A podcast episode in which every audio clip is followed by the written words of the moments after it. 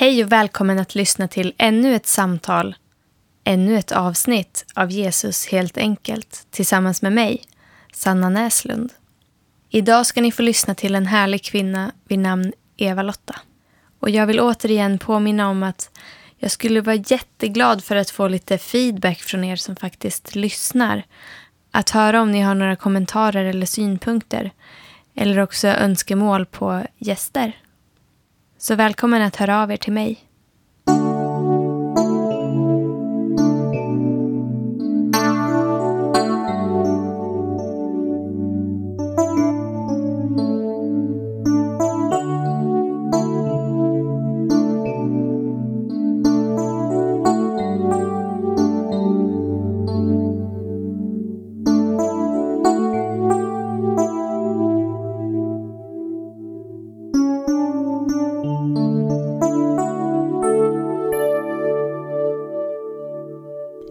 Jesus, helt enkelt.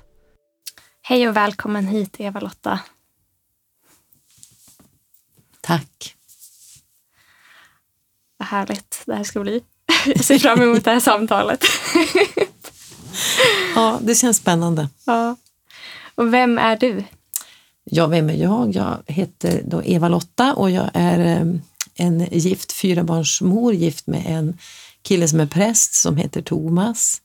Eh, jag är eh, uppvuxen i en liten by fem mil ifrån Övik som heter Långviksmon. Eh, men jag har flyttat runt en del, dock bara i kommunen, inte någon annanstans. Jag har aldrig bott någon annanstans i hela mitt liv, utan bara här. Jag är 50 år gammal. Ehm, håller på mycket med sång och musik. Jag är hemmafru, eller hemmaarbetande. Ja, jag vet inte mer vad man ska säga. Mm. Hur länge har du känt Jesus? Sen jag föddes känns det som. Jag har alltid trott. Det är många som ställer den frågan till mig. Och ibland så, jag har, har ju vänner som har blivit kristna i, och hittat Jesus liksom, i vuxen ålder. Och ibland så har jag sagt att jag känt mig avundsjuk därför att de har ett före och ett efter. Eh, då brukar de svara mig och säga, vad glad du är Eva-Lotta att du bara har ett före. Eller nej, bara har ett efter. Ja, Förlåt, bara ett efter. Jag, har, ja, jag kan aldrig minnas att jag, att jag inte, har, inte har trott och, och och kallat mig kristen. Jag vet att äh, min mamma har berättat att när jag var fyra år gammal så, då, så hon skrev i en sån här Lillans bok, en sån här barnbok där man skriver när man är född och mm. tappar tänder och eller sådär, så, allt möjligt. Vet jag, ja, så här. Och där har hon skrivit att jag sa när jag var fyra år att när jag blir stor då ska jag ändå bli pastor eller missionär eller evangelist eller också ska jag gifta mig med en. Då var jag fyra år gammal. Och när jag gick i årskurs fyra så var jag, eh, då gick jag i en liten skola som heter Hemlingsskolan. Och jag var ganska ensam om att eh, vara kristen. Det fanns, eh, det fanns barn i skolan som gick i, i verksamheter som kyrkorna hade och så, men det var inte så att det var något de pratade om i skolan eller så. Men så när jag gick i årskurs fyra så fick jag en ny klasskamrat som kom inifrån stan och hade flyttat ut på landet och hon var kristen. Och när det var dags för roliga timmen första gången då, då eh, eh, ville hon gå fram och sjunga. Och då sjöng hon Han har öppnat pärleporten och alla började gapskratta och, reta och tyckte det var jättefjantigt att hon gjorde det. Då gick jag med bestämda steg fram till svarta tavlan och så tog jag kritan och skrev Jesus älskar er. skrev jag. Och då var jag tio år, så att jag tror att jag har burit det här med mig allt jämt. Sen har jag ju tvivlat och så, men det har aldrig varit, eller det är med att jag har känt mig liksom arg på Gud och så, men jag, jag tror aldrig att jag någonsin har varit i, i en period när jag inte har trott eller mm. alltså tänkt att nej, men han finns nog inte eller så, utan mm. det har alltid varit väldigt levande för mig. Mm. mm. Häftigt. Det är ju det. Ja, Fantastiskt. Det kanske är så. Mm. Vem är Jesus för dig? Ja, alltså det här låter ju som en klyscha säkert, men jag har svårt att beskriva honom på, på något annat sätt än att han är min absolut bästa vän. Alltså han är, han är både liksom min bästa vän och samtidigt som han är han är ju alltigenom ren och perfekt och så, som, som ingen människa någonsin kan vara så är han ändå, ändå så jordnära.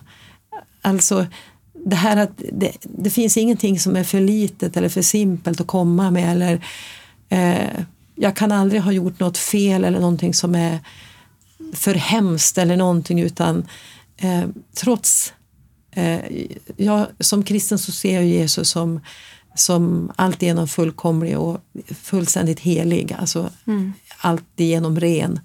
Så, så kan jag ändå komma med allt. Det finns liksom ingen smutsbyk i mitt liv, det finns ingenting, inga, liksom ingenting av mina tillkortakommanden eller någonting som jag inte kan komma med.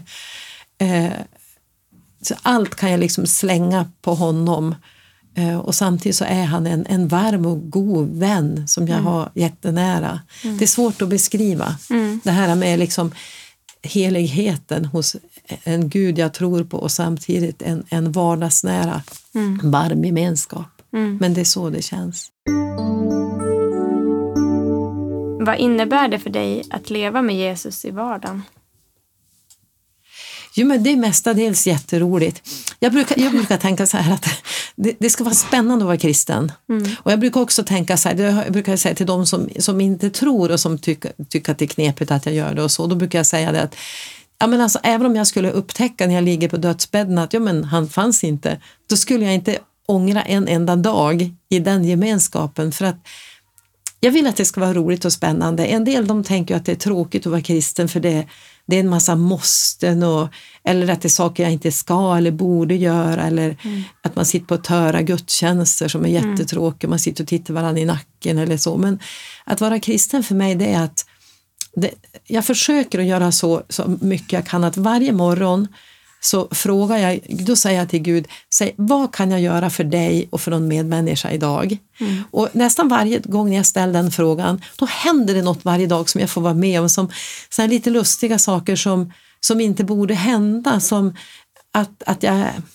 jag får en, en Eh, en, en tanke att jag ska ringa upp någon eller gå, hälsa på någon eller möta någon människa. Eller jag kan gå in på affären och bara komma på att jag ska gå fram till den personen och säga det. Till exempel så för ett tag sedan nu så kom jag in på Kvantum och jag hade ju bett den här bönen på morgonen och så, och så eh, kom jag in direkt till fruktavdelningen. Då stod en äldre dam där, en kvinna, hon stod med, med rullator och det är en kvinna som har varit föreståndare på en avdelning där jag har jobbat, för jag har jobbat som undersköterska. Och eh, jag kände igen henne och nu är hon kanske 80 eh, år eller något sånt där. Mm. Och jag kände bara direkt hur Gud fyllde mig med ord. Alltså det låter konstigt kanske men det, jag, jag kan få tankar att liksom, jag ska säga uppmuntrande saker till människor eller jag kan få en, en bild till exempel för mitt inre. Det kan se ut ungefär som en tecknad serie. Mm. Jag kan få som korta bilder och så korta sekvenser och så kan jag få en text eller någonting som kommer upp i huvudet och så som jag vet att nu vill Jesus att jag ska säga det här. Och så går jag fram till den här kvinnan och jag tycker att jag borde inte behöva säga det här för det är helt uppenbart. Och så säger jag bara så här, men hej Margareta. Så, vet du att jag tycker du är så fantastiskt vacker och stilig. Vet du att du bär upp din ålder så snyggt. Jag måste bara få säga det att du är så fin och du ser så men du, är så, du är så smärt och smidig. Och liksom, ja, du är så väldigt fräsch. Jag känner bara att jag måste få säga det. Och så känner jag mig jättedum efteråt för påflugen jag var. Och så vänder hon sig och så tittar på mig och så säger hon Men vet du, nu gjorde du min dag. Jag har fått MS och jag är jättesjuk och jag tycker att det syns hela tiden att jag ser så gammal och skröplig ut. Jag går så sakta. Och det enda jag önskar är ju liksom att jag ska få att, att, så att folk inte bara ska fråga hela tiden hur jag mår utan att jag ska åtminstone få känna alltså en viss värdighet mm. när jag är ute bland folk. Och så kommer du och säger just precis det jag önskar få höra. Wow. Och, det, och då, känner, då är det spännande och roligt att vara kristen. Det är så jag vill att det ska ja. vara. Och det, det tror jag att det kan få vara för alla om man bara stannar upp och, och, och säger och säger Gud vad vill du att jag ska göra för någon idag? Då får man uppleva så mycket små under och grejer. Ja. Så det är att vara kristen för mig, det är att leva i det här. Det är mm. som en puls i min vardag. Mm. Ja. Ja men Ja, så, så tänker jag ju också. Men, men det är det som är... Jag vet inte vad, vad som har hänt, men just den här bilden av att det ska vara tråkigt att vara kristen liksom, Mm. och att man bara men, sitter där inne i sin kyrka och liksom Mm. gör inget mer. Men, men det behöver ju verkligen inte vara så. Nej, men jag tror att det är så därför att, för att gudstjänster ofta är jättetråkiga. Jag kan tycka att gudstjänster är så tråkiga. Jag förstår mina barn, liksom, de vill aldrig gå i kyrkan nästan för, för att gudstjänster kan upplevas. För många är det jättefint och det är fint med liturgi och det är fint med, med att eh, det är en trygghet att man vet vad som händer i en gudstjänst. Och man får uppleva olika moment i en gudstjänst av, av, av det här med, med nåd och förlåtelse och tillbedjan och allting. Och det är jättefint men eh, ibland så kan jag känna att det blir vi stänger in oss liksom i, bakom fyra väggar och blir eh, ja, jag vet inte, det, vi blir lite instängda. Och, eh, det står ju i Bibeln att vi ska gå ut i hela världen och min lilla värld är ju Övik och då vill jag gå ut där. Mm. Jag vill försöka liksom att vara modig och flytta mina väggar, alltså flytta gränserna hela tiden. Mm. Hur umgås du med Jesus? Jag har ju förmånen att vara hemmafru. Eh, och eh, det tog en parentes i det, men det tog många år för mig att slappna av i det. Jag kände väldigt tidigt att jag ville det därför att eh, jag var eh, när jag mötte min man så var jag frånskild med mina två äldsta barn som då var små.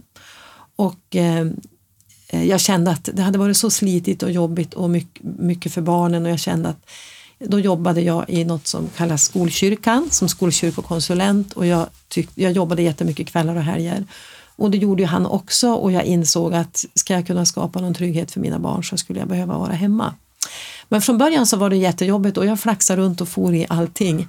Eh, Men till slut så började jag landa och känna att ja, men, när jag nu har den här förmånen, jag kan vara hemma och jag trivs med att vara hemma, så eh, då vill jag omfördela min tid eh, så jag kan liksom umgås med Jesus mer. Jag visste inte riktigt hur jag skulle göra för jag är väldigt eh, ehm, Alltså jag har lätt för att göra för mycket och ta på mig för mycket och, och jag ska vara i allting och sådär. Svårt att säga nej och så. så jag hade väldigt lite tid trots att jag var hemma. Men så började jag bara med att, att jag bestämde mig för att även fast jag tyckte det var jobbigt att läsa Bibeln för det är så mycket jag inte förstår och sådär så började jag läsa Bibeln lite mer och jag eh, såg till att ha en god, bra bok också. Alltid till hands. Och så försökte jag ta en stund varje morgon efter att jag hade, eh, liksom, när, när barnen hade kommit iväg till skola och så, att eh, eh, bara sitta ner. Jag försökte att vara tyst och bara lyssna. Vill du säga mig något idag Jesus? Vill du, för jag har så lätt för att prata för mycket så att, och det tror jag att vi alla har just när det gäller när man vill be och så. Man ska prata med Jesus. Så att jag säger alla mina grejer och jag frågar och ber om allting eller och sådär. Och så sen så, eh, så lägger jag liksom ihop och så går jag. Och så, och så är det som Jesus står där, men hallå Eva-Lotta, nu var det ju min tur, jag vill också vara med och prata. Du lyssnar ju inte på mig någonting. Så jag försökte börja träna mig på att, att bara sitta still och lyssna och, och liksom lyssna inåt och känna vad, vad vill du mig idag? Vad vill du mig och min familj?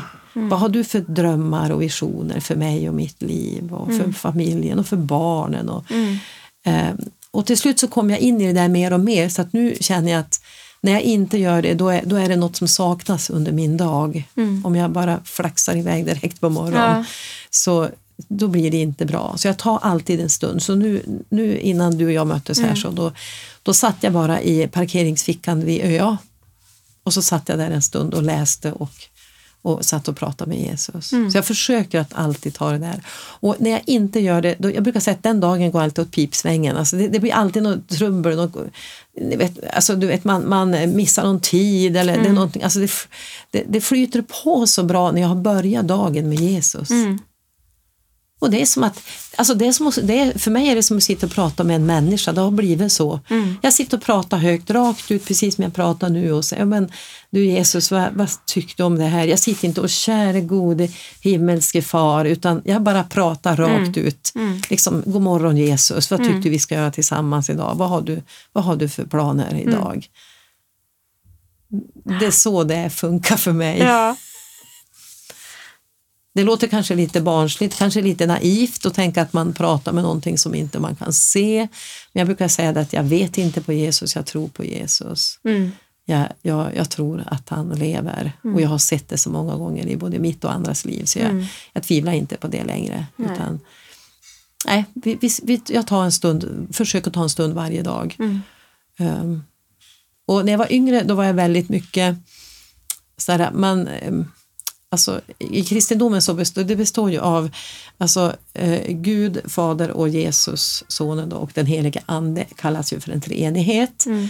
Och då brukar man ofta säga att vissa människor där är mycket Gud och skapelsen och skaparen, det är det man tror på. Många där är det Jesus och nåden och så för en del, både liksom kristna och för olika samfund så är det mycket anden och helige ande och sånt där. Och jag har nog varit, haft väldigt mycket slagsida liksom på det här anden. Det har varit väldigt mycket så, man ska känna mycket och uppleva mycket och det är väldigt spralligt och tjohej. Eh, Men så för fem år sedan så flyttade vi ut till vårt sommarställe. Alltså där vi har sommarstugan i Stubbsand har vi byggt ett året runt hus. Och när jag flyttade dit ut och kom närmare naturen och havet och, och vinden och så. Eh, då, då började jag närma mig skaparen och, se, alltså, och kunna möta Gud. Jag kunde känna liksom Jesu närvaro, jag kan känna Jesu närvaro om jag sitter ute på en sten eller när jag sitter och lyssnar på vinden eller ser när, när vårbäckarna tinar fram och så. Så var jag inte när jag bodde inne i stan, då rusade jag på mer. Nu kan jag känna, åh men där är du ju också. Och bara liksom, tack gode Gud att du har skapat allt så underbart. Mm. Så där, där, där möter jag också, det är också liksom min vardagstro nu att när jag är i naturen så då tycker jag att jag ser han överallt. Och det, det, där går det också väldigt lätt att sitta och prata ute på ett stubbe eller sådär. Ja. Mm. Ja, men jag är ju jag är också mycket sådär, har lätt för att också prata mycket. Eh, så, så jag känner igen mig i det här att liksom försöka hålla tyst ibland och lyssna. Och, och det tror jag väl... På något sätt så är det som, om jag pratar med Gud, ja men då gör jag ju någonting, liksom, jag vet att jag i alla fall liksom men, att jag har en kontakt gentemot honom. Men om man bara Ja. sitter tyst då känns det ju som, jaha, ehm, kommer Gud att tala till mig nu då? Eller liksom precis, man måste att, träna ja, sig, Precis. Att, att det, det, på något sätt handlar det lite grann om att våga och att, och att faktiskt tro att han har någonting Ja. att säga. Och jag tror att det är för att samhället idag är också så att vi ska göra så mycket hela tiden, vi ska välja en massa hela tiden och det gäller att göra bästa valen och det, är, eh, det är hela tiden ett, eh, ett sökande och en strävan efter mer av sånt som egentligen kanske är mycket tomhet. Mm. Och, och då behöver vi lära oss igen att, att, eh, att stilla oss. Mm.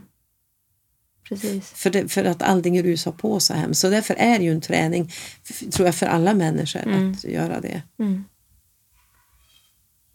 Ja, och, och just också att Gud kan ju tala på så många sätt och precis som du säger, bara liksom av att vara i naturen. Att, ja, men, Gud kan ju liksom ja, men, tala till oss på det sättet eller, eller genom bilder och ord och, och, och på andra sätt. Sen kan han säkert tala mitt i liv och rörelse och, och så också. Men, Mm.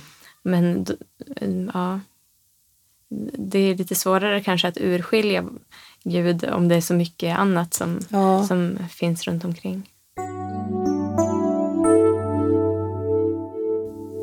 Vad tänker du är viktigt för att hålla den här relationen vid liv?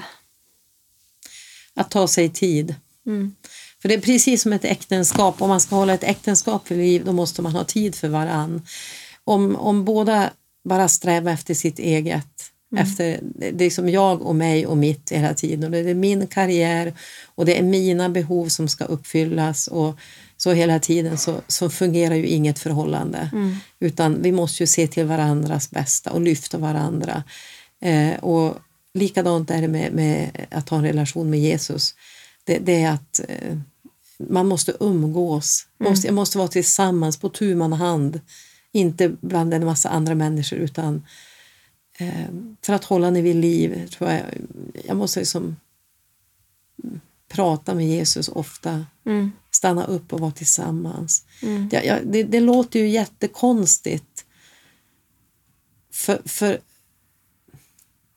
att, sä, att säga, för den som, den som lyssnar på det här nu som, som inte har hittat det här med Jesus och förstått Mm. vad det här är, så låter det ju jätteflummigt och konstigt att säga ja, men jag måste sitta ner och umgås. Hur kan jag umgås med någon jag inte kan se? Mm. Hur funkar det? så? Men jag kan inte säga annat än att det fungerar. Jag Mm. har ingen annan förklaring, det bara funkar.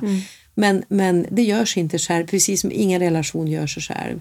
Så, så behöver man ta sig tid. Mm. Det finns inga genvägar. Nej. Och du sa ju här i inledningen att du kanske ja, men aldrig har tvivlat på Guds existens och så, men har du haft eh, olika perioder där du liksom har känt att du brottas lite mer med Gud eller där det är ja, frågor och funderingar? Och? Jo, det har jag haft. Jag hade alltså i... i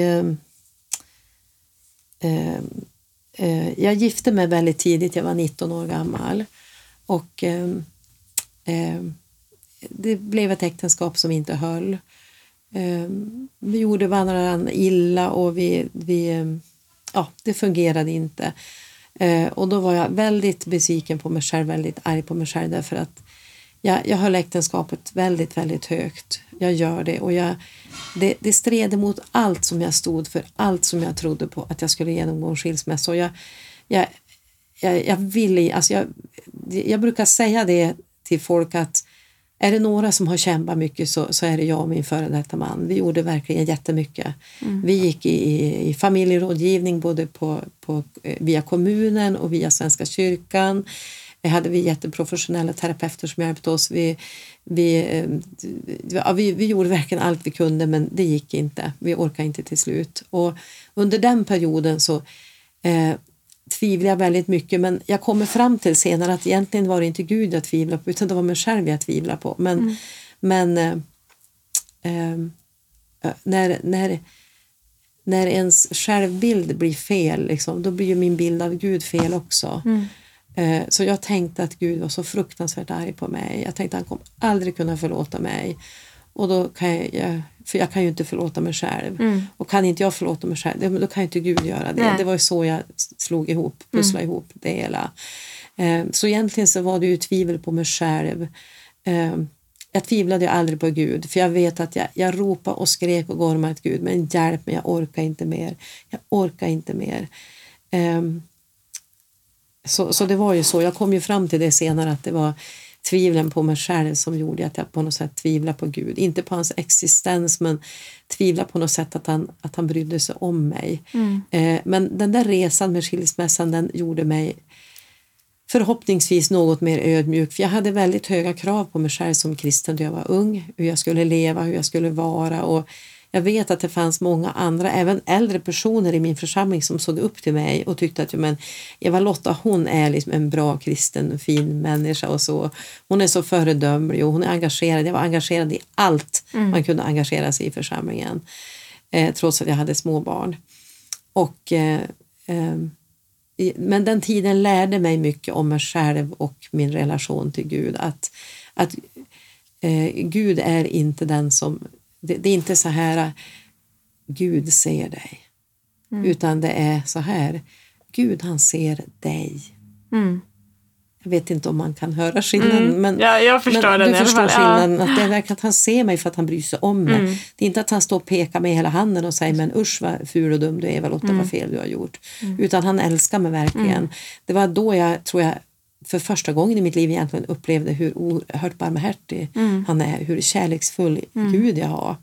Eh, sen, sen har jag, har jag, det låter konstigt men jag har inte tvivlat så mycket i mitt liv annat än för tio år sedan på min, det var på min 40-årsdag då, då hade vi varit på en utlandsresa och när vi kommer hem och åker ifrån flygplatsen i Umeå så ringer min mamma eh, telefon och så säger hon ringer till upp mig i bilen och säger att nu har vi fått svar. Pappa har Alzheimer. Och då är det så att jag och min pappa har stått varandra väldigt, väldigt nära. både andligt och i det musikaliska. Han, min pappa var organist, musiker. Eh, en väldigt varm och god och omtyckt människa. Och eh, Eh, ja, vi stod varandra väldigt, väldigt nära. Och vi brukar skoja och säga att jag var pojken som de aldrig fick. Jag är lite pojkaktig så jag, jag var gärna med pappa och gjorde grejer och sånt här som kanske är lite, lite mer manligt och så. Och eh, eh, det tog mig oerhört hårt och jag kände att men gode gud, pappa som är en sån fin människa, han har alltid ställt upp för alla andra, han har alltid liksom han har aldrig tvivlat på dig, han har liksom varit med dig, han har bett varenda kväll, han har läst Bibeln jämt, han har, han har liksom alltid gjort gott för andra. Varför? Mm. Varför ska han drabbas av detta? För att när jag själv var tonåring och började praktisera inom sjukvården då jag läste till undersköterska så var ju en av mina första praktikplatser det var ju eh, med dementa. Mm. Så jag visste ju precis vart det skulle leda och jag, jag vet att jag sa som, som 17-18-åring att alltså vad som helst får hända mina föräldrar bara de inte blir dementa. Mm. Och så är det precis det som händer. Och då har jag levt med honom, nu är det två och ett halvt år sedan min pappa dog, men han levde med sin diagnos i ungefär åtta år mm. och det är på ungefär den tid man brukar leva med Alzheimer. Eh, och att se pappa tyna bort och försvinna, mm. att inte vara liksom den man kunde eh, luta sig mot längre när åskan gick eller som, som man inte kunde fråga om saker det kunde vara så enkla saker som att ringa och fråga hur tar jag det här ackordet? Eller mm. hur, hur ska jag tänka när jag ska leda kören? Hur ska, hur ska jag kunna lära dem det här? Vad ska, alltså bara sådana triviala saker. Eller, mm. eller att kunna dela bönesvar med pappa till exempel. Att allt det bara var borta och han blev som ett litet barn som jag skulle ta hand om och sköta. Eh, det var oerhört smärtsamt och då då hamnade jag i tvivel och det var återigen, det var inte tvivel på Guds existens men det var det här tvivlet, varför gör du ingenting? Mm. Och jag hade en, en, eh, jag hade liksom en bön, för pappa ville att vi skulle be för ett helande. Eh, och vi, han sa det tidigt, han var väldigt öppen med sin sjukdom så, så länge som han var klar och så och fortfarande ute och spela så kunde han säga och så så ni vet det, nu, nu, jag har fått Alzheimer, så nu vet ni hur en som har Alzheimer ser ut. Och han kunde skämta, han var någonstans på något ställe och skulle spela, då sa han så här, ja, alltså en del säger att jag har fått eh, Alzheimer, men jag tror jag har tenorzheimer, sa han. Liksom. Så, han var lite skojfrisk och så, men, men eh, eh, så länge han, ja, så länge han kunde, alltså som, som han var igång och sådär så då sa han det att han ville att vi skulle be för helande. Så jag, vid flera tillfällen så smorde jag han med olja och bad om helande. Jag gjorde liksom precis, vi, vi, Thomas, min man och jag, vi bad för han flera gånger. Eh, men det hände ju ingenting och jag har en bönebok där jag skriver upp alla böneämnen för att inte glömma. Och där hade jag ju skrivit ner och där skriver jag också datum och jag skrev också till Gud att liksom innan julen då och då då vill jag se en förändring. Eh, och pappa han sa själv att ja, jag har aldrig hört talas om en dement person som har blivit helad så det vore ju på tiden, mm. tyckte han och det tyckte jag också. Men så när pappa blev sämre och sämre och sjönk in i sin demens då var det en gång som jag var och hälsade på honom då, han, då hade han fått lov att flytta till Lejonbacken. Då, eh, ett äldreboende och då var det en gång som han låg på sängen och han, låg, han hade alltid händerna knäppt alltid när han låg och vilade. Och jag satt bredvid honom och bad och det var första gången jag hörde han säga Gud ta hem mig nu. Och då visste jag att jag inte längre skulle be om ett helande för då visste jag att nu vill pappa komma hem. Mm. Och det var svårt, det var jättesvårt. Mm. Och jag var länge jättearg på Gud och jag kan vara det ibland fortfarande kan jag känna. Nu har min svärmor blivit dement och vi har precis fått flytta henne till ett boende och jag känner likadant, men Gud gör något. Mm. Alltså gör något. Och när det gällde min pappa då var det så här att han det var väldigt många i den här kommunen som visste vem min pappa var. Mm. För att han har spelat och sjungit och haft så mycket alltså på, på dop och vigslar och begravningar och träffat folk i alla möjliga sammanhang och varit politiskt aktiv. Och, så det var så många som visste vem han var så jag tänkte för mig själv, så jag gjorde som en, en egen deal med Gud på något sätt. Att, men jag sa Gud, nu har du chansen att mm. visa vem du är. Det är så många som vet vem William är. Om du hela honom, då kommer ju alla i den här kommunen att se att du lever. Mm. Och ändå så händer ingenting. Och det gjorde att jag, jag funderade länge och väldigt mycket på de här frågorna. Liksom, varför Varför blir vissa människor friska och andra inte? Mm. Ehm, och jag vet att det finns ingenting som är för stort för Gud. Jag vet att det finns inga gränser för honom vad han kan göra och vad han vill göra. Mm. För han älskar människan och mänskligheten. Eh, Så det är en fråga som jag har brottats jättemycket med. Men det är återigen så att jag har inte, jag har inte tvivlat på att han finns. Mm. Men jag har funderat mycket, varför gjorde du ingenting? Mm. Och samtidigt så kände jag ju en förtröstan. Varje gång pappa var sjuk och jag var ehm, eller när, när han var sjuk och varje gång jag hade hälsat på på, på eh, äldreboendet där han bodde och kom ut i bilen så var jag ju så överfylld av känslor varje gång. Jag var ju så otroligt ledsen så ofta satt jag bara i bilen och grät innan jag kunde åka vidare. Men då vände jag mig till Gud. Alltså jag, får- men Gud, bär mig nu, jag orkar inte. Jag, jag orkar inte, jag kan inte trösta mamma, jag kan inte göra något för pappa längre. Jag, jag orkar nästan inte gå hit och se hur han försvinner och tynar bort. Hjälp mig! Och jag brukar tänka så här, om jag inte hade haft Jesus under den här tiden, då vet jag inte hur jag skulle ha klarat upp det. Jag, alltså jag, jag, jag brukar säga att jag förstår inte människor som inte, inte har Jesus i sina liv. Hur bär de sig åt när de här sakerna händer? Det förstår inte jag. Nej. Så är det. Mm. Men annars så, så eh, är jag ju... Alltså, det, det, det är en gåva som Gud har lagt ner i mig på något vis. En, den här förvissningen, tryggheten jag har. Att jag, ja, jag tvivlar aldrig på honom. Jag bara vet att han är där. Mm. Det är, jag är så oerhört tacksam för det. Mm. Mm. Ja, men då det, trots liksom alla de här frågorna och ja, men, på något sätt besvikelse och Mm. ilska och allting så, så väljer du ändå då att vända dig till honom. Ja, Mm. precis. Och just det här att jag får vara arg. Mm. Jag får vara som ett litet barn som bara lägger sig på golvet och sparkar och skriker. Mm. eh, som säger jag hatar dig mamma när man är tonåring. Eller någonting sånt. Så, så f- jag får vara så Mm. och Gud fortsätter att älska mig i alla fall och då, då ja, men, allt är bra liksom. Det får vara så ibland. Mm. Mm. Ja, men det här är ju... Det är ju otroligt svårt just det här när man också... Ja, men när man har... Särskilt om man, om man själv har, har bett mycket för någon och eh, också trott verkligen att, att Gud ska göra någonting och så blir det inte så Nej. ändå. Det är, det det är väldigt svårt. Ja, det är ju det.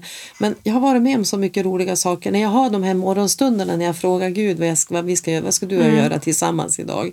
Då brukar ju ofta hända någonting och det kan vara liksom allt ifrån världens minsta små saker till, till stora saker. Men, men eh, eh, det gör ju på något sätt, ja men det ger ju liv åt min relation med Jesus att vi gör saker tillsammans. Och Det gör ju att jag kan inte tvivla, alltså jag kan inte tvivla på ex, hans existens, det Nej. går inte. Så även fast, jag menar, det står i Bibeln att det regnar både över onda och goda och liksom att livet är inte rättvist. Alltså vi, alla människor drabbas, även hur, vilket, liksom, vilken renlevnadsmänniska du har varit så kan du få hjärtinfarkt i alla fall. Eller, alltså, Medan den som har förstört sitt liv nästan är frisk tills de dör knall och fall som gammal. Det, det finns liksom ingen rättvisa i det där. Så, så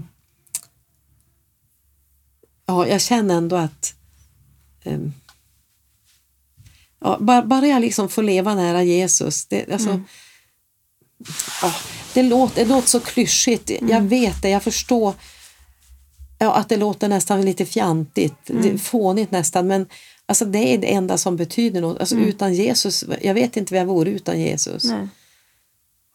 Det är liksom pulsen i hela mig. Mm. Det går inte att ta bort det. Nej.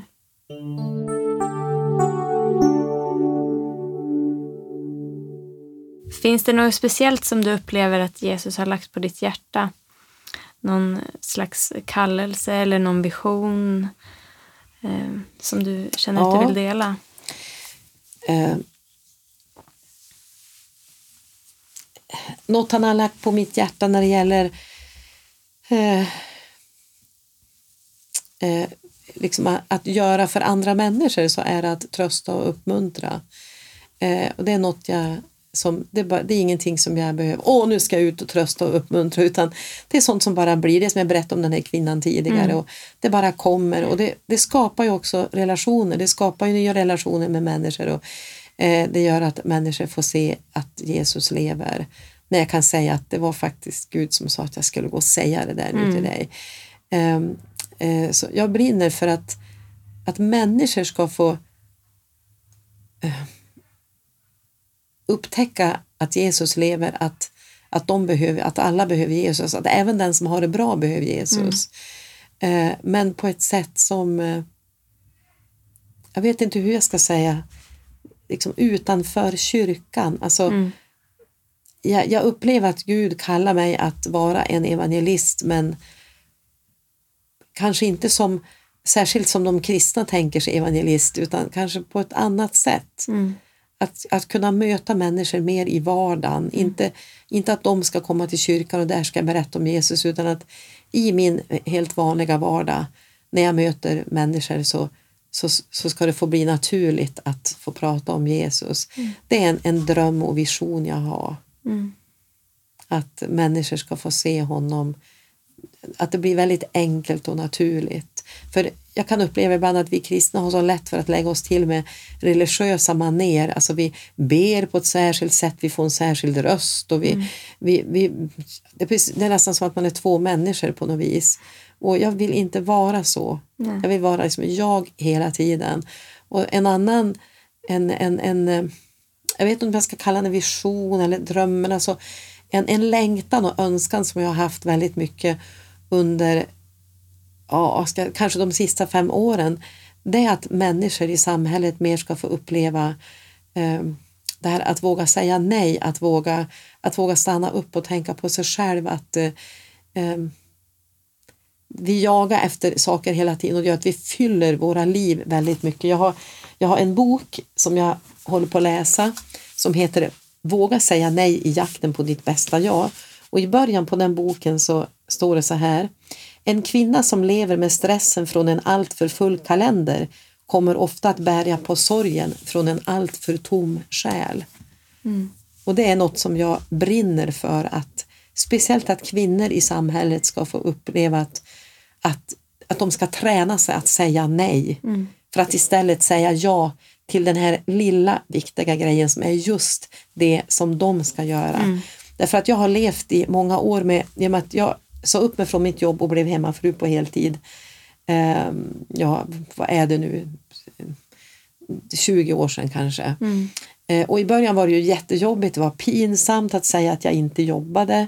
Det var, eh, vi hade många akademiker omkring oss och det var ju så självklart. Har man pluggat i fem sex år är det klart att man jobbar. Eh, och Ja, det var så pinsamt på något sätt. Det var som, jag, vem är du? Ja, jag heter Eva-Lotta och är hemmafru. Det var så jättefånigt kändes det.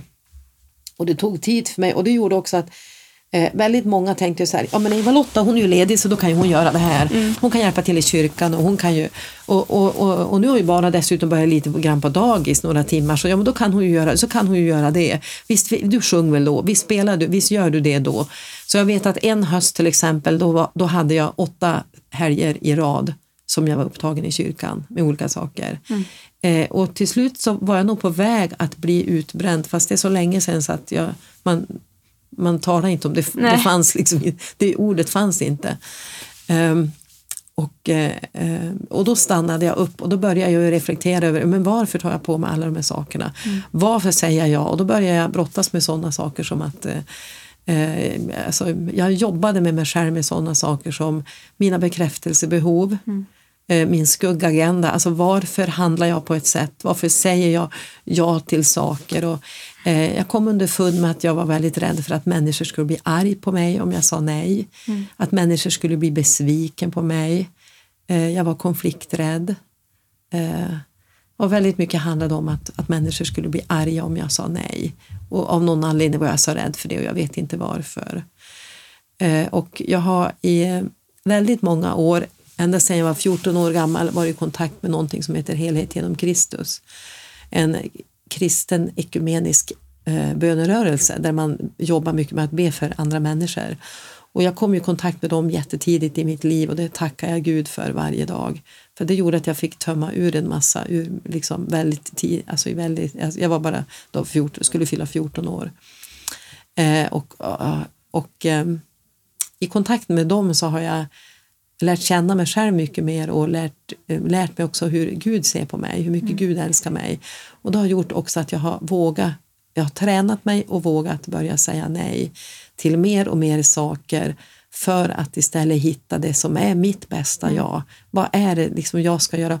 Och något jag brinner för det är att få andra, speciellt unga, unga alltså de som är i din ålder, mm. som är unga, unga mammor, att säga nej till saker, att mm. lära sig att säga nej. Att det är ingen katastrof om jag säger nej till allting utan därför att just nu ska jag bara vara mamma mm. eller just nu så jag ska bara göra det. Mm. För det är inte bara utan just då kan det vara det som Gud som Gud tänker att det här är det bästa för den och den personen just nu. Mm. Så det är något jag brinner för.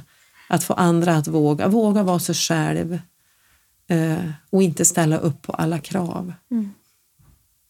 Det, det, är en stor dröm jag har, mm. att kunna förmedla det. Jesus vill ju bara ha oss nära. Mm. Alltså han, han säger ju inte och så, men, och så ska du göra det och så, men och så måste du göra det där också Eva-Lotta och du ska ju hinna det mm. och det där måste du säga ja till. Utan han vill ju bara vara med mig. Mm. mm. Vi brukar ju ofta säga det när vi pratar med människor som, som vill bli kristna. Ja, men det enda du behöver göra det är att säga ja. Mm. Men vi håller ju inte på det för Nej. sen med oss själva så ska vi ju ändå göra massa, massa saker. Både liksom i kyrklig verksamhet och, och när jag själv var ung jag var ju då 19 när jag gifte mig, jag skulle fylla 22 när vi fick vår äldsta flicka Kajsa.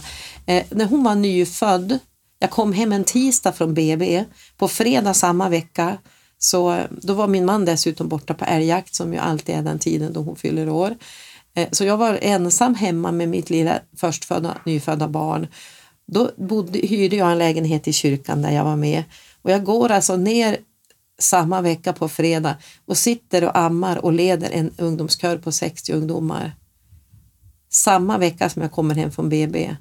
Och det, jag såg ju inte det då hur otroligt skevt det var. Mm. Och det var ingen som hejdade men det var ingen i församlingen som sa nej men Eva-Lotta mm. du ska inte hålla på med det här nu, stanna hemma. Nej, men jag hade ju redan varit borta en vecka från kören så det kunde jag inte vara en gång till. Mm. Det var helt sjukt och jag, hade, jag, var, jag var med i, jag satt i missionsråd och ungdomsråd och eh, jag ansvarar för några ungdomsgrupper, jag ansvarar ju för ungdomskören som var ganska många. Och, alltså jag gjorde hur mycket saker som helst fast jag hade fått mitt första barn och ett barn, en, en ny människa som man ska lära känna och man ska få amning och fungera och man vill få sin lilla lägenhet och inte falla ihop totalt mm. liksom. Och ändå så skulle jag göra allting och det var ingen som hejdade mig. Mm. Och då kände jag att jag vill inte vara en sån som inte hejdar. Mm. Alltså jag vill finnas, jag vill finnas för människor och hjälpa dem att säga nej. Mm.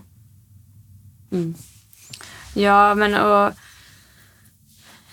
på något sätt så det handlar ju egentligen också just om det här att ja, men allt har sin tid. Precis. Även om du hade förmågan och kunskapen mm. och allting att leda en kör. Mm. Så visst, det, det, kanske du skulle göra någon gång mm. i ditt liv. Du kanske mm. hade gjort det och sen skulle du ta en paus. Alltså, ja, det, det är som att man Ja, men det blir ju som att man bara lägger på fler och fler saker ju, ju, äldre man blir. Och så till slut så kommer man till en gräns där det, ja, men, nu går det ju inte mer. Alltså, hur, hur, ska jag få det att gå ihop nu? Ja, precis, det är som att man tror att man är någon Stålmannen på ja. något sätt. Och så är vi mjuka människor. Ja. Man kanske ska försöka se sig själv som liksom en liten bokhylla där man, ja men stoppar man in en bok, ja men då måste man först ta ut den. Liksom, ja. Så här. Ja, men man kan ju inte ha hur mycket saker som helst samtidigt. Liksom, det går inte. Um, och jag tänkte också just på det här, jag håller på att läsa Gamla Testamentet mm. eh, just nu och, och, och Mose eh, som då var en väldigt liksom, stor ledare. Mm. Men, men egentligen det enda han gjorde kom, kom jag fram till, det var ju att han var med Gud. Alltså, det var det ja. enda han gjorde hela tiden. Sen ibland så uh, kom han och sa någon, eller ja, förmedlade liksom vad Gud ja. ville säga. Men sen gick han till Gud och var med honom. Liksom. Eh, och det där vart en som liksom, aha-upplevelse för mig. För på Mm. något sätt så tänker jag, många ledare både i, i samhället och i kyrkorna idag och så, gör så otroligt mycket saker. Alltså, man, man gör så mycket saker, så när ska de hinna vara med Gud? Alltså hur ska man, i alla fall i kyrkan, Precis, i kyrkans värld, sen i samhället, ja men där hänger det kanske på att man ska göra en massa saker och, och visa att man är duktig och kan Mm. och, och allting för att bli en ledare till exempel. Men, men på något sätt så, ja, Nej, det har väl blivit lite grann som någon, någon vän sa till mig häromdagen att eh, eh, när, man, när man talar bibliskt, alltså talar på det religiösa språket, då brukar man ju, man kan ju säga att en, en apostel det är en entreprenör kan man ju säga. Eh, och eh, herdarna det är ju människor som tar hand om och, och så. Och eh, ibland så kan jag uppleva att det är som att apostlarna har fått större eh, Alltså det är som att det är viktigare med apostlarna i församlingen att vara apostel än att vara herde. Eh, Men egentligen behöver ju många fler herdar istället. Eh, mä- Människor som, som kan bära, som kan lyssna, som tar hand om, som uppmuntrar och, och styrker och stödjer. Och inte de som ska driva fram nya projekt hela tiden för det mäktar vi ju inte med. nej. Men det är som att precis som i samhället så är det det som syns du inte så finns du inte. Nej, och en herde syns inte. nej. Och jag brukar försöka tänka på det bara nu. Det är så att jag och min man vi brukar ha något som kallas för förbönssamtal. Och ett förbönssamtal det är alltså att man ber tillsammans för en människa. Eh, ber och samtalar och lyssnar. Det är liksom det man gör. Och det, ett sånt samtal brukar ta ungefär fyra timmar i snitt. Tre, mellan tre och fem timmar. Och då har vi sagt så att vi, vi ger Gud de fem timmarna i veckan. Så Ett förbönssamtal i veckan har vi. Och, men ibland så, och då, och då behöver man ju förbereda sig för det. Jag behöver ju be för den personen jag ska träffa och sådär. Gud, vad vill du göra för den här människan som vi ska möta nu? Men det är bara att gå till sig själv. Man har väldigt lätt för att göra saker. Just nu till exempel håller jag på att måla delar till ett stort växthus. Eh, och då jagar jag ju liksom tid, alltså, för jag, jag måste ju hålla till utomhus och det måste vara bra väder. Eh, så jag, jag stressar ju runt med det jättemycket och, och så plötsligt ser man att ja, men nu på torsdag fyller min dotter år, ja, men kanske jag borde ha städat lite grann och, och så ska jag göra det och så, jag, och så vet jag att på onsdag morgon ska jag ha ett förbönssamtal. Ja, men vart, vart, när tar jag tiden för det? Alltså, Och det är väldigt viktigt att lära sig att nej, men, ja, men, dammet får väl ligga då. Liksom. Den här människan är ju viktigare. Alltså, Att lära sig att prioritera, vad är viktigast när jag bjuder hem människor? Är det att vi har rent och städat eller är det att jag känner mig lugn och utvilad så de känner sig välkomna? Mm, precis, Liksom. verkligen. Och där be- behöver jag träna jättemycket. Jag har varit ganska noggrann hur det har sett ut hemma och så. Jag har fått träna mig väldigt mycket på att låta det vara lite stökigt och smutsigt. Mm. Det, det, det är jättejobbigt. Mm. men men eh, att, att träna sig att, att göra rätt prioriteringar. Och samtidigt i det läget, ja, men, struntar man i att städa och istället liksom samlar ihop sig och Ja. lugnar ner sig eh, och, och kan möta den här människan Ja. som ska komma och hälsa på. Då är det ju ganska liten risk, tänker jag, att den personen kommer liksom bry sig om att det är ostädat. För att den kommer ändå liksom få en Ja, härlig precis. gemenskap precis, och, och och, och, mötas få av kärlek uppmuntran. Ja, men istället. precis. Ja, precis. Ja, men det är ju Det är så. liksom- Men det är ju det här sjuka Ja, och det är ju lite det grann, så. det är det här som, som, som samhället si- signalerar. Jag menar, Mm. Tittar man på reklam på tv till exempel, alla fantastiska familjer som använder gästdiskmedel för att, det, för att det blir så fint och rent i långpannorna eller man gör något annat på- och det, allting ser så fint ut och de skrattar vid matbordet för de äter rätt cornflakes. Alltså. Allt, allting är så skinande rent och alla är så fint klädda Mm. och, och alla är så smärta och de är så solbrända. Alltså allting är så otroligt perfekt och vi matas ju med det här exakt hela tiden och, och omedvetet så tar vi ju in allting. Även om vi försöker att värja oss så vet att vi kan ju inte värja oss mot den reklam som kommer. Nej. Eh, och det tror jag gör att vi ja, omedvetet så får vi in det här att oj, oj, oj, men titta nu är det så där och så är det det och det och jag borde vara så och så skulle jag hade lite snyggare kläder och så, så där. Istället för att, eh, just det här som jag sa tidigare, att, att eh, våga säga nej i jakten på sitt bästa jag. Att göra bara den lilla saken som jag just nu, den här tiden i mitt liv ska göra. det är så precis. svårt men det är så viktigt. Och nu har du tipsat lite om den här boken. Har du något annat tips på någon musiksång eller bibelbok eller bibelvers eller någonting annat som kommer upp? Ja, eh, när jag gick i söndagsskolan, det gjorde jag ju då i Missionskyrkan i Långviksmon, då fick jag en eh, bibel när jag slutade. Och där så fick jag ju en, eh, eller några bibelverser ifrån Saltaren. Och de har följt mig hela mitt liv. Eh, och det, det är en text ur Saltaren som har följt mig hela livet och som jag, som jag liksom Alltså jag mediterar över den, jag använder den varje dag egentligen. Mm. På något sätt, i något, alltid, alltid liksom så finns den. Och det är då från Saltaren 36 och från vers 6. Och det var alltså min söndagsskolvers som jag fick. Herre, upp i himlen räcker din nåd, din trofasthet ända till skyarna. Din rättfärdighet är som väldiga berg, dina domar som det stora havsdjupet. Både människor och djur räddar du, Herre. Hur dyrbar är inte din nåd, Gud? Människors barn har sin tillflykt under dina vingars skugga. Det mättas av de rika gåvorna i ditt hus. Av din ljuvlighetsström ger du dem att dricka, ty hos dig är livets källa. I ditt ljus ser vi ljus. Mm. Så det är liksom min, min absolut nummer ett, bibel, de bibelverserna. Det är fram till vers 10 i Psaltaren 36. Då. Eh, det, det, kan jag nog säga är favoriten i Bibeln. Mm. Eh, och det bär jag med mig alltid, att liksom, det är ju i Guds ljus jag ser ljus. Har jag, har jag liksom, står jag vid ett vägval, har jag funderingar eller känns det jobbigt eller någonting så då, då går jag till den mm. salta salmen. Mm. Um. Ja, men då tror jag att vi avslutar där. Säger tack så jättemycket. Mm. Varsågod. det var spännande och roligt det här.